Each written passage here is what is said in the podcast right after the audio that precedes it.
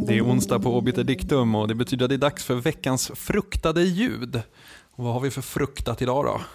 Ja, det, det är bara att lyssna och njuta kan jag säga.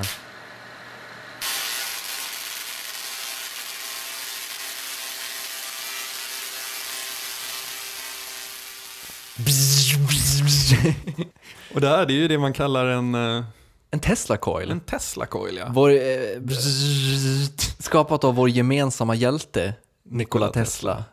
Vilken kung. ja. Det, det är en av anledningarna till att man skulle vilja bo i Serbien, för där har man ju faktiskt Nikola Tesla Airport. Ah, underbart. Det finns ju även eh, Nikola Tesla Avenue i New York. Ja, just det. Du skickade en, du mmsade en bild därifrån här för mig sist du var... Ja, jo, det, det, jag gillar den vägskylten. Mm. Nikola Tesla, lite underskattad ändå. Definitivt. Eh, han har ju några fantastiska böcker som man kan läsa där han pratar en del om sina idéer. Eh, och han har, ju, han har ju ganska spacade uppfattningar om vetenskap kan man väl lugnt säga. Mm. Och var väldigt tidig, han uppfann ju radion va? Det är väl han som är först och sen Ja, så är det någon det- som snor patentet. Precis, det, det, det, det, är ju lite delade meningar om Ja. det där. Det är väl Watts Ja, som, vad heter det, Precis. som sätter käppar i hjulet där.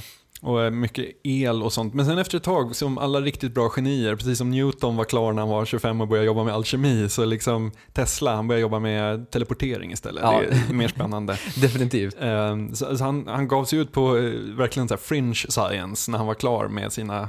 När han hade uppfunnit växelström så, så var det dags att ta nästa steg. liksom. Precis, precis. Men en Tesla Coil, vad, vad, vad gör den egentligen? Den, den ser väldigt cool ut när man tittar på filmer på YouTube. Ja, en lekmannabeskrivning är väl att den, eh, den, Som, som en blixt ungefär. alltså den laddar ju upp spänning från atmosfären och, och lagrar den och sen skickar ut då blixtar genom att eh, ja, den här laddningen vill jordas. är väl en väldigt enkel beskrivning. Den syns väldigt fint i filmen The Prestige. Ja, det är ett väldigt bra exempel. Eh, David Bowie spelar Nikola Tesla där. Lysande casting för övrigt. Ja, och jag kommer även ihåg när, man var, när jag var yngre och spelade Red alert. Eh, när man var Allies versus eh, Russia. Då när man var ryss så kunde man vad heter det, bygga upp Tesla coils som försvar runt sin bas. Som på ett rått sätt stekte fienden när den närmade sig.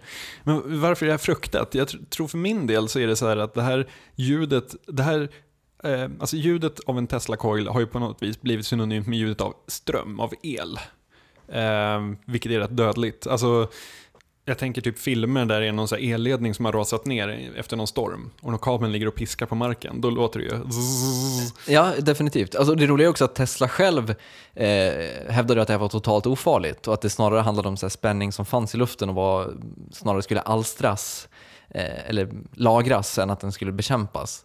Eh, men den ser ju, den ser ju totalt skräckinjagande ut. Ja, och framförallt när, det är så blekfeta amerikaner som gör det i sin trädgård på YouTube. Liksom. Man bara mm, Det kanske är ett, ett sommarprojekt för Obiter Dictum. ja, Nä, nästa, nästa sommaruppehåll så bygger vi en Tesla coil. Ja, absolut. Det låter som en, eh, det kan nästan bli en, ett klassiskt Oddpod, det kan bli ett klassiskt Oddpod moment och det sista Oddpod moment. Ja, eh, vi får lägga ut en, en minnesruna sen.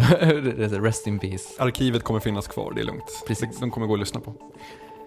Men det var allt för denna veckas fruktade ljud och eh, vi ses på fredag med, med en lång härlig podcast. Det gör vi, tack.